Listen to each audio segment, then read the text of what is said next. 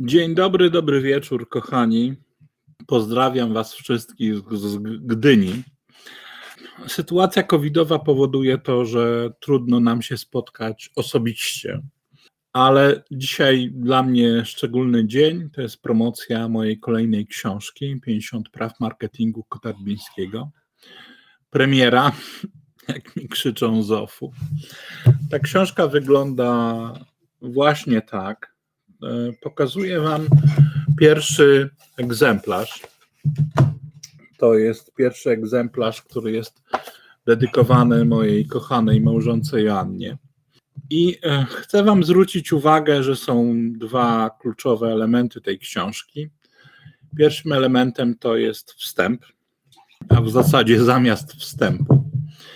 Zamiast wstępu to jest taka część, w której opisuję, że przede wszystkim tą książkę dedykuję dla przedsiębiorców, dla ludzi, którzy się zajmują marketingiem, profesjonalistów marketingu, czyli marketerów, osoby, które zajmują różnego rodzaju funkcje w zespołach marketingu, począwszy od chyba najtrudniejszego stanowiska, czyli specjalista do spraw marketingu, który jest moim zdaniem takim wszechogarniaczem całości.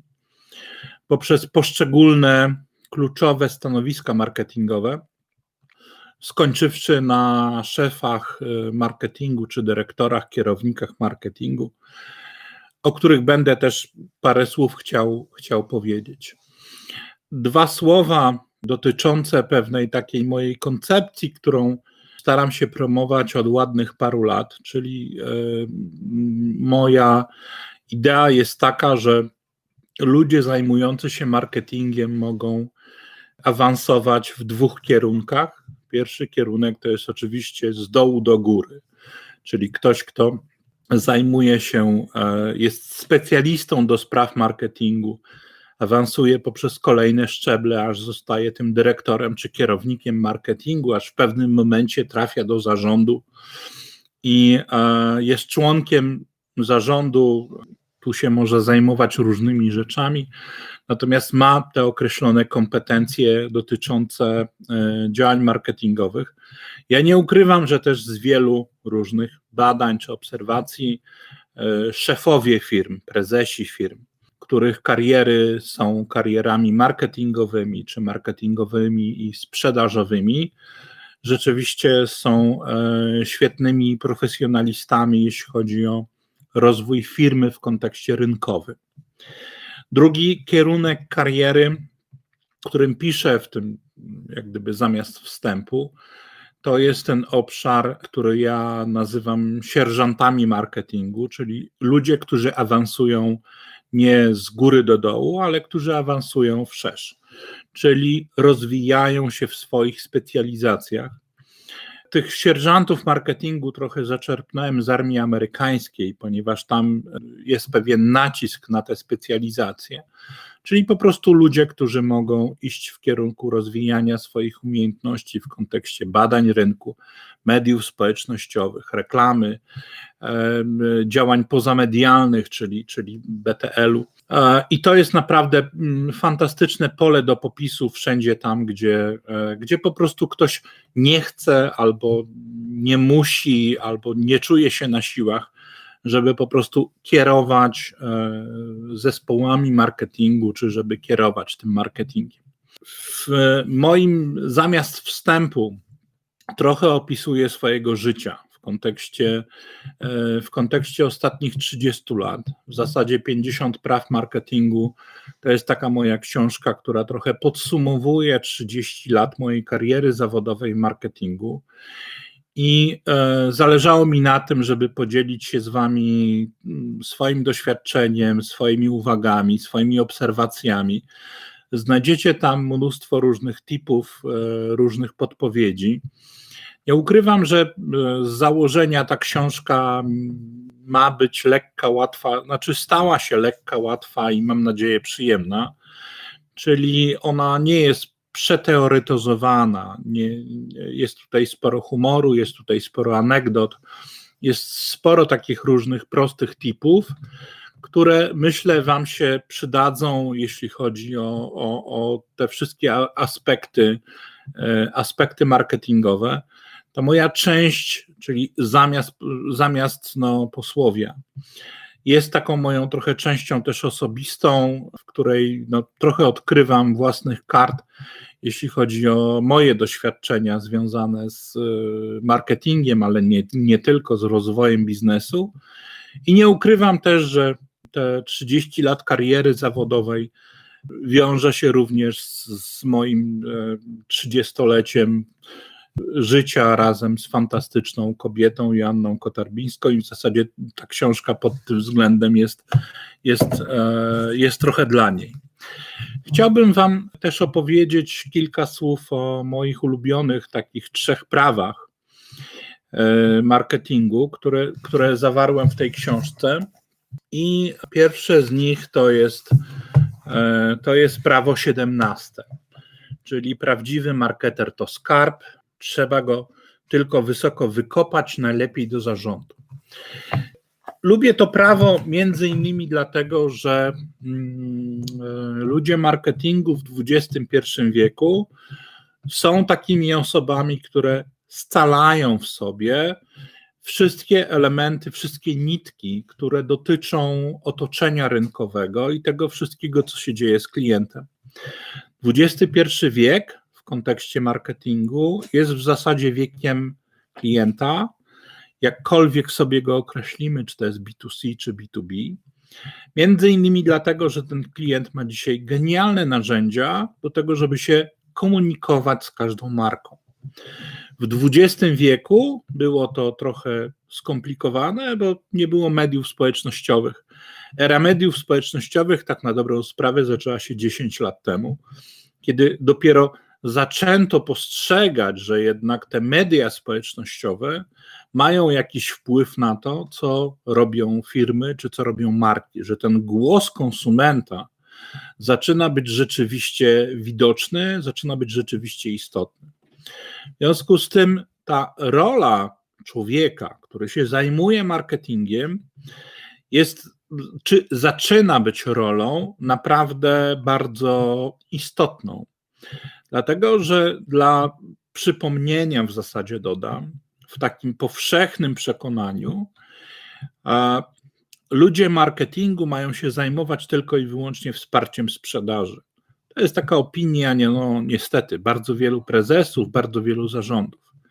Natomiast to jest jedna z trzech funkcji.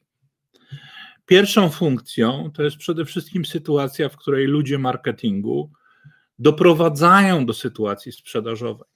To jest coś takiego, co się nazywa wygrzewaniem lidów, jeśli mówimy w takiej nomenklaturze typowo online'owej.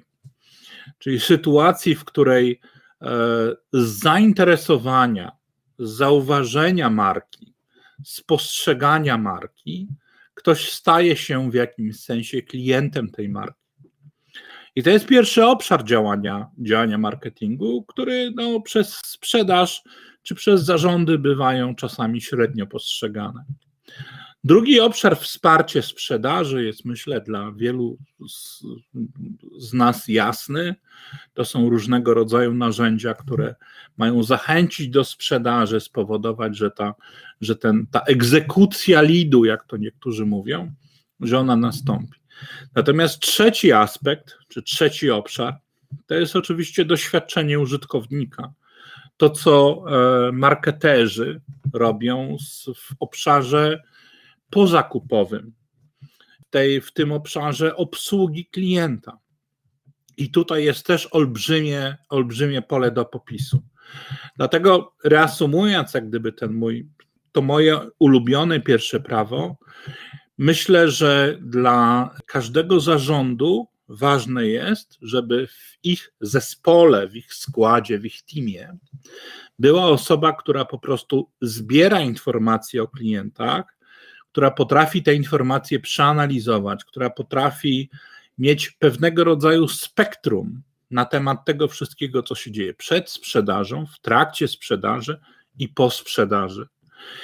I ta osoba, jeżeli będzie miała określone kompetencje sprzedażowe, to jest oczywiście super. Natomiast my często jesteśmy przyzwyczajeni do tego, że tymi członkami na przykład zarządów są ludzie, są na przykład dyrektorzy sprzedaży i marketingu, gdzie w zasadzie ten marketing jest traktowany nie w wymiarze strategicznym, ale w wymiarze dodatkowym. Tymczasem XXI wiek powoduje to, że marketing jest takim obszarem rynkowym, strategicznym.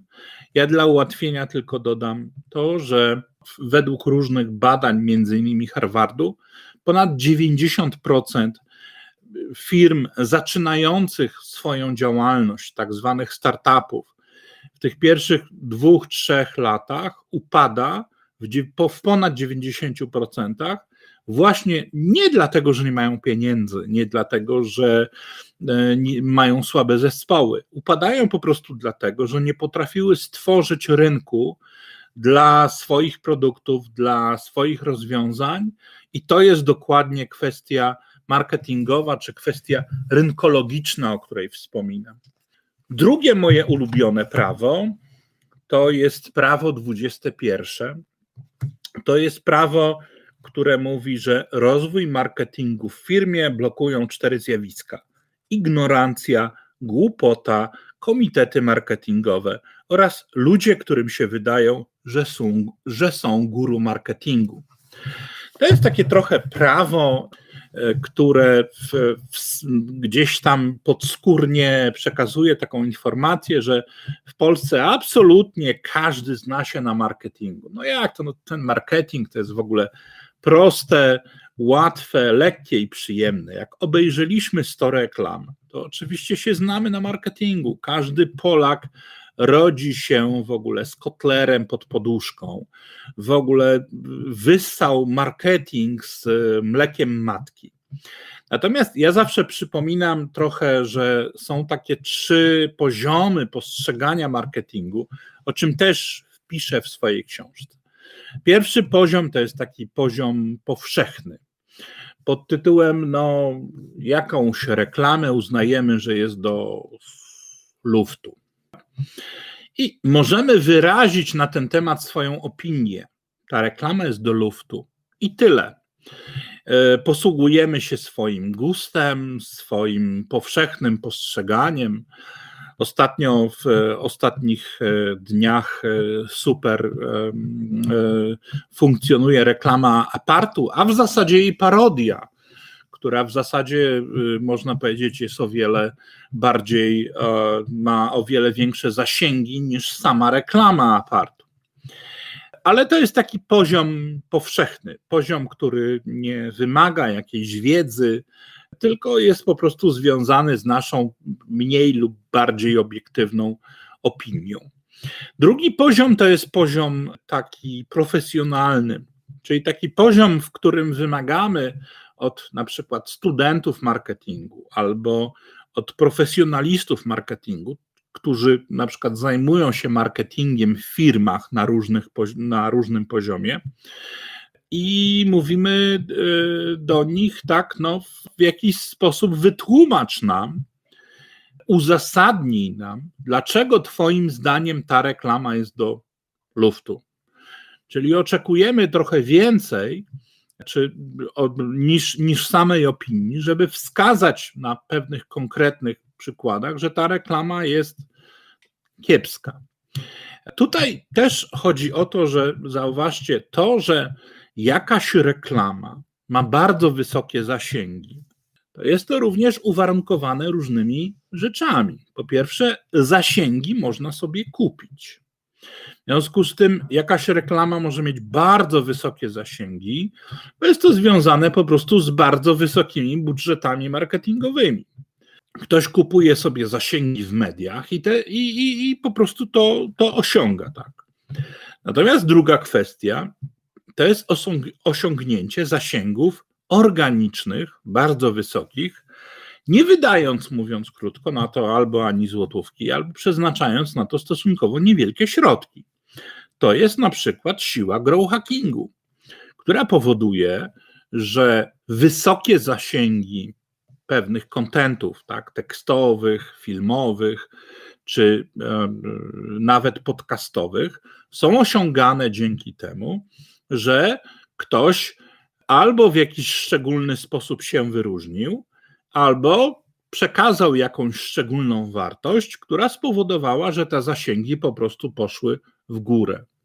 I to jest bardzo często ciekawa, jak gdyby kwestia, bo zauważcie, szczególnie mniejsze firmy czy startupy, które nie posiadają wielkich środków na działania marketingowe, szukają takich metod grow hackingowych, szukają tak zwanych atraktorów, jak to definiował profesor Chialdini, które spowodują, że te zasięgi będą, będą stosunkowo wysokie. I to jest rzeczywiście bardzo duże wyzwanie.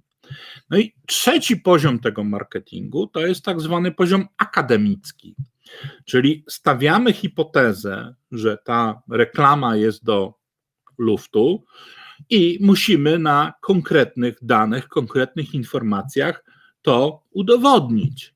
Tymczasem świat marketingu, e, szczególnie marketingu online'owego, jest taki, że to, co często wydaje nam się kryzysem albo wybitnym e, działaniem, które powoduje wysokie zasięgi, kiedy zaczniemy to sprawdzać, to się okazuje, że to jest mały korniszonek.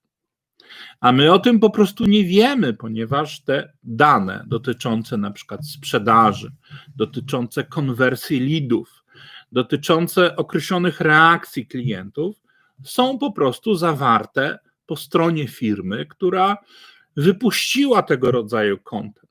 W związku z tym, coś, co wydaje nam się wielkim kryzysem, ja często nazywam to incydentem w internecie, wcale nie oznacza tego, że, że tam sprzedaż spadła w jakiś tam radykalny sposób, albo się zdarzyło coś, co spowodowało, że ta firma jest w jakichś tam kłopotach. W związku z tym, kiedy to, to jest tego rodzaju uwaga, kiedy patrzymy na zasięgi, kiedy patrzymy na konwersję, to musimy oprócz tego znać również drugą stronę, a to często jest po prostu skryte pod e, tajemnicą firmy, pod NDA, pod różnymi sytuacjami, gdzie no, na przykład wielu ludzi nie, nie może o tym opowiadać, dlatego że po prostu wiąże ich jakaś tam tajemnica zawodowa. No i trzecie moje ulubione prawo to jest prawo ostatnie. Prawo, które mówi, marketer, który myśli, może zachowywać się dziwacznie i wybacz mu, czy wybaczcie mu. To jest takie prawo, które e, w dzisiejszym świecie, w XXI wieku, definiuje trochę sytuację wychodzenia poza pudełko. Ja często mówię, że marki, które są dzisiaj banalne, marki, które są dzisiaj zupełnie niewyróżniające się, naprawdę mają ciężko albo naprawdę nie mają szans na to, żeby w jakikolwiek sposób zaistnieć, dlatego że po prostu nie będą w stanie się przebić przez tak zwany klater, przez cały hałas, który funkcjonuje w internecie, który funkcjonuje w kontekście mediów społecznościowych, który funkcjonuje w, w kontekście najróżniejszych mediów. Ja jakiś czas temu, to było chyba kilkanaście dni temu, e, słyszałem taką ciekawą, zabawną historię, że pewien jubiler, bodajże chyba z Izraela, wymyślił sobie maseczkę.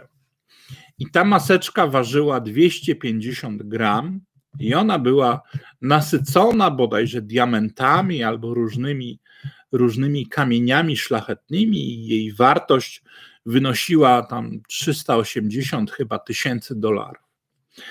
Ciekawostką dla mnie było, było to, że te informacje podały polskie media, gdzie my zaczęliśmy się zastanawiać, no przecież nikt nie założy takiej maseczki, 250 gram, kto to, kto to, kto to w ogóle założy? I ta maseczka e, z tymi diamentami, z tymi kamieniami szlachetnymi absolutnie nie, nie służyła temu, żeby się w jakikolwiek sposób chronić. Ona służyła tylko i wyłącznie przebiciu się pewnej promocji tego jubilera w globalnym świecie. Ta informacja została podchwycona przez różne agencje prasowe i gdzieś tam się pewnie przebiło i została pewnie wykorzystana w najróżniejszych miejscach, w najróżniejszych źródłach właśnie przez tego jubilera. I to są takie triggery, czy jak ja wolę to określać, korzystając z nomenklatury Chialdiniego, takie właśnie atraktory, które, e, które po prostu powodują, że jakaś informacja się przebija, że, że ktoś znalazł sposób na to, żeby się w określony sposób wyróżnić. I takich, jak gdyby, metod jest, jest całkiem sporo, takich przykładów jest najróżniejszych, jest jak gdyby całkiem sporo, które służą po prostu tylko i wyłącznie temu, żeby w jakiś sposób zaistnieć, przebić się przez ten hałas informacyjny, który, który, wszędzie, który wszędzie panuje. Dlatego, jeśli mówię o tym, że marketer może zachowywać się dziwacznie i to, żeby mu wybaczyć, to jest pewnego rodzaju kontekst myślenia. Kontekst myślenia w kontekście wychodzenia poza pudełko, pewnej idei disruption, zmiany pewnego, zmiany pewnego stanu rzeczy w kontekście komunikacji marketingowej i to się rzeczywiście dzieje tu i teraz. Natomiast problemem jak gdyby jest to, że ten marketer, który może myśleć inaczej, który może wychodzić poza pudełko, który może proponować dość e, spektakularne, nietypowe działania marketingowe, może się spotykać po prostu z oporem reszty firmy z sytuacją, w której właśnie te wspomniane wcześniej komitety marketingowe albo ludzie, którzy się uważają za guru marketingu, będą po prostu tego rodzaju działania w jakimś sensie torpedować. Ja często powtarzam w kontekście szkoleń, czy warsztatów, czy różnego rodzaju spotkań, czy doradztwa, żeby w obszarze marketingu eksperymentować, próbować, żeby, że jeżeli czegoś nie spróbujecie, to po prostu nie będziecie tego wiedzieć. Dzisiaj, e, dzisiaj jest szczególny czas, szczególna dekada, e, żeby eksperymentować z różnymi działaniami marketingowymi, żeby przeznaczać na to chociaż 25% swojego budżetu marketingowego na różnego rodzaju eksperymenty, na różnego rodzaju wyzwania, właśnie po to, żeby sprawdzać, czy to w określony sposób działa, Natomiast to oczywiście musi być związane z, z myśleniem, z działaniem i z, z określoną wiedzą marketingową, co tu, co tu dużo ukrywać. To tyle, słuchajcie, z mojej strony. Bardzo dziękuję przede wszystkim e, wydawcy, wydawnictwu naukowemu PWN za, za wydanie 50 praw Kotarbińskiego. Dziękuję również partnerem medialnym. Tym partnerem medialnym jest TVN, jest marketing przy kawie, jest również e, ICANN Institute, który wcześniej wydawał Harvard Business Review Polska. I dziękuję również e, i moje głębokie ukłony dla wszystkich recenzentów, których również znajdziecie w książce. To są fantastyczni ludzie. To są recenzenci, którzy są osobami zajmującymi stanowiska prezesów zarządów dużych organizacji. To są szefowie marketingu dużych organizacji. To są fantastyczni przedsiębiorcy, to są fantastyczni specjaliści. Mówiąc krótko, zależało mi na tym, żeby ci przedsiębiorcy, y, którzy będą recenzowali, naprawdę znali się na tym zagadnieniu. I uwierzcie mi, że to jest bardzo E, bardzo dobra grupa e, ludzi, którzy naprawdę znają się na temacie. Na tym, na tym mi zależało. I jestem rzeczywiście dozgonnie wdzięczny im za, za to ciepłe spo, słowo, za tę opinię. Ta książka 50 praw marketingu Kotarbińskiego to jest naprawdę dla mnie ważna książka. To jest 30 lat podsumowania mojej kariery zawodowej w marketingu i to no, starałem się jak gdyby, jak, jak mogłem, żeby się przyłożyć do tego zadania. Dlatego, dlatego te recenzje profesjonalistów, najlepszych profesjonalistów marketingu w Polsce są dla mnie i przedsiębiorców są oczywiście dla mnie, dla mnie e, bardzo cenne. Dziękuję jeszcze raz wydawcy Doroty, Dorocie Siudowskiej e, z wydawnictwa PWN. No i oczywiście mam nadzieję, że spodobają Wam się rysunki Marcina Skoczka, który w fantastyczny sposób ozdobił jak gdyby tę książkę. E, ja nie ingerowałem, od razu Wam mówię, od razu, e, krótko zwięźlej na temat. W ogóle nie ingerowałem w pracę Marcina. To jest sytuacja, e, w której on stworzył te rysunki tak, jak widział tę książkę. Zrobił fajną, myślę, okładkę, w której no, narysował moją, moją karykaturę. Natomiast no, znajdziecie w środku, w środku te rysunki, które są pewnym wyrazem myśli Marcina artystycznej. Ja Marcina uwielbiam od, od naprawdę wielu lat, gdzie widziałem jego rysunki. Jego adres strony to jest skoku.pl. Jeśli ktoś z Was nie, nie, nie widział, to polecam.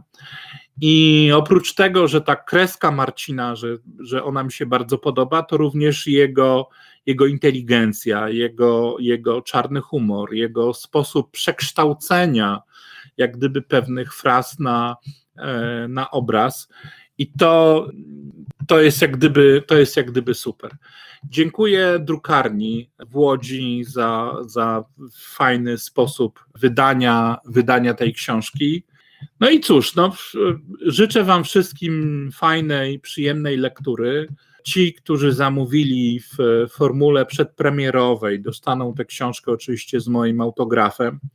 To jest sytuacja wyjątkowa, związana z COVID-em, ponieważ ja podkreślam, że e, zasadniczo nie udzielam autografów w wymiarze wysyłki. Tak było ci wszyscy, którzy kupili moją sztukę rynkologii ładnych parę lat temu, wiedzą doskonale o tym, że nie udzielam autografów w wymiarze wysyłkowym. Te wszystkie autografy, które daję, są autografami, czy były autografami e, dawanymi osobiście. Każda książka miała swoją dedykację i każda książka w przypadku sztuki rynkologii miała swój hashtag z numerem. Tak jest również w przypadku 50 praw Kotarbińskiego ta specjalna edycja ma mój autograf, ma hashtag z numerem, natomiast, e, żeby nie być gołosłownym, to jest pierwszy numer e, z hashtagiem, który jest przeznaczony, który był przeznaczony dla Joanny i to była pierwsza książka, którą złapałem w rękę. I oprócz tego jest oczywiście data, kiedy ten autograf wkładałem. Dlatego tam pozwoliłem sobie również w, na niektórych egzemplarzach zrobić swoje dopiski. Szczególnie pozdrawiam każdego, kto będzie miał kolejne egzemplarze z pełnymi numerami, czyli kolejnymi setkami.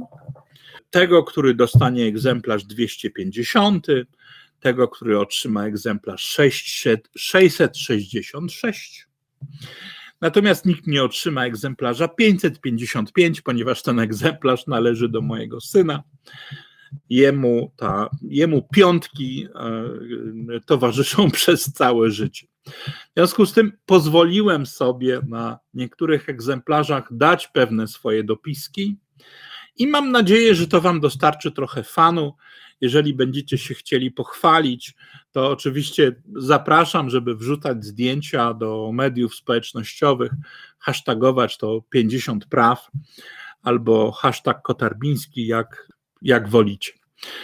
Dziękuję Wam wszystkim, kochani. Życzę wam, życzę wam miłego wieczoru. Obiecuję też, że w najbliższym czasie wrócą czwartki Kotarbińskiego, ale muszę się naprawdę ogarnąć, bo jest, mimo tego, że jest COVID, ale jest sporo roboty. No i co tu dużo mówić, jestem w trakcie pisania kolejnej książki, również dla wydawnictwa PWN, czyli Marka 5.0. Będzie to książka o, o marce i ta książka jest dedykowana przede wszystkim małym i średnim firmom jak one sobie mają z tym problemem radzić. E, myślę, że ta książka Marka 5.0 ukaże się w kontekście przyszłego roku, wiosną. Dla ułatwienia Wam dodam, bo to jest taka trochę zabawna anegdota, że o książce Marka 5.0 myślałem w kontekście już e, lutego, marca 2020. Natomiast kilka tygodni temu e, profesor Filip Kotler, nasz naprawdę wielki, fajny taki guru i, i, i przyjaciel i znajomy, Joanny i, i, i, mój, ogłosił na jednym z webinariów na, na Uniwersytecie Kelloga, że w styczniu będzie jego książka pod tytułem Marketing 5.0. E, w związku z tym to, to też jest ciekawe, dlatego że ten marketing 5.0 profesora Kotlera w kontekście jego premiery globalnej trochę będzie się, trochę będzie korelował z, z moją marką 5.0 w, w, w kontekście wiosny. To jest taka, to jest takie dla, dla mnie taka przyjemna, przyjemna, przyjemna i ciekawa informacja.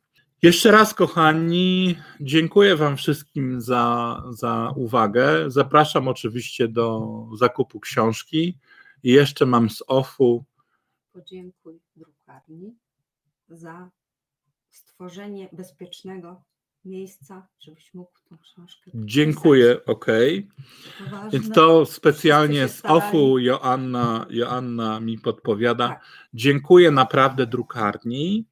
E, to było ważne, bo to było trudne wyzwanie, za to, że stworzyli bezpieczne i spokojne miejsce do tego, żeby mógł podpisać te książki, bo przyznam Wam się szczerze, to nie jest wcale takie łatwe. My rozpatrywaliśmy różnego rodzaju warianty z przesyłaniem e, do nas tych książek na paletach, jakieś takie robiliśmy kombinacje, ale naprawdę to było trudne wyzwanie logistyczne. W związku z tym rzeczywiście podję, podjęliśmy decyzję, żeby jechać do Łodzi, żeby podpisać w Łodzi książki. Ich było łącznie 827. I zajęło nam to no, dobre 7-6 godzin chyba, tak? Bo tak zaczęliśmy od 10, 8, tak, to, to tak od 10, gdzieś mniej więcej od 10 do 18. To mm, ja od razu podkreślam jeszcze o tym trochę wcześniej mówiłem, że ja nie starałem się na książce dawać jakiegoś bazgroła. Każda z tych książek ma naprawdę mój pełny podpis, hashtag z numerem, datę, czasami jakiś taki e, fajny, fajny dopisek, dlatego że ja mam pełną świadomość tego, że z mojej strony to jest może 827 książek, ale dla każdego z Was, który zamówił tę książkę z autografem, to jest po prostu indywidualna rzecz, indywidualny prezent, indywidualna radość i mi na tym zależało, żeby, żeby, żeby Wam po prostu to dać, tak? Ta książka jest, że tak powiem, przeze mnie zawsze indywidualnie dotknięta. I e, jeszcze raz podkreślam te warunki, które stworzyła drukarnia, żeby, żeby to wszystko odbyło się bezpiecznie w związku z obowiązującym reżimem, reżimem COVID-u. Jestem, jestem za to wdzięczny i im, i również wydawcy e, Dorocie Siudowskiej, która też spowodowała, że to miało taki, a nie inny wymiar.